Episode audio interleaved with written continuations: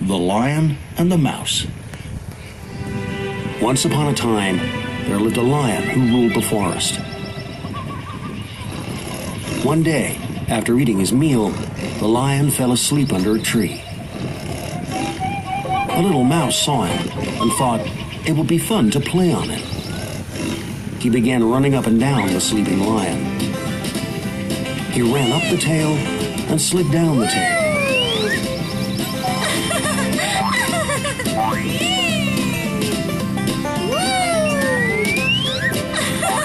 Lion woke up angrily with a loud roar.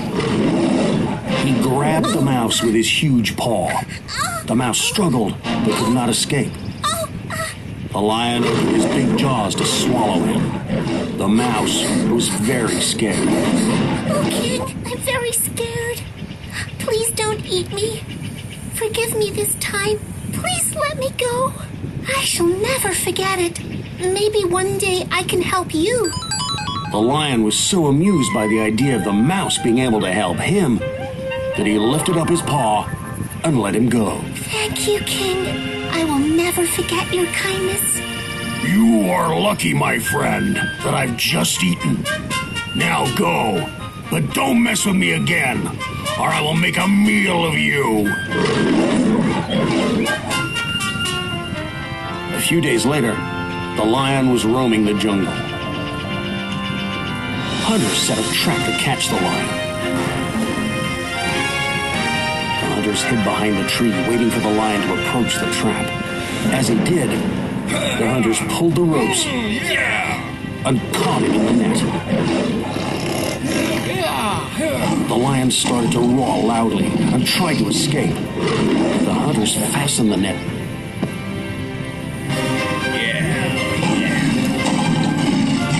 They went back to the village to bring a cart to transport the lion.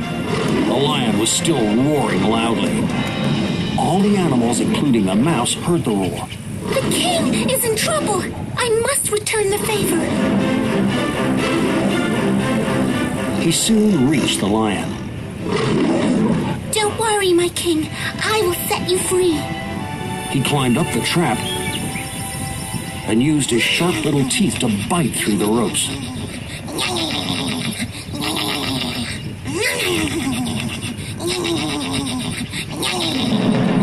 Finally, he freed the lion from the trap. The lion realized that even a little mouse can be a great help. Thank you, mouse. I will never trouble you again. Live happily in my forest. You saved a king's life. Now you are the prince of this forest. Thank you, king. Bye. See you soon. Oh, where are you going? Don't you want to play on me and slide down my tail?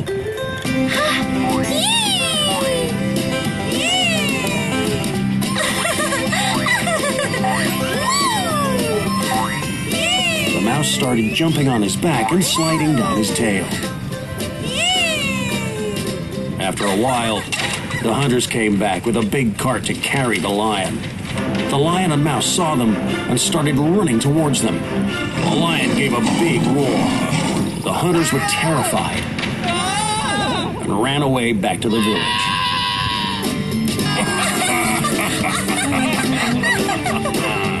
the lion and mouse became friends forever.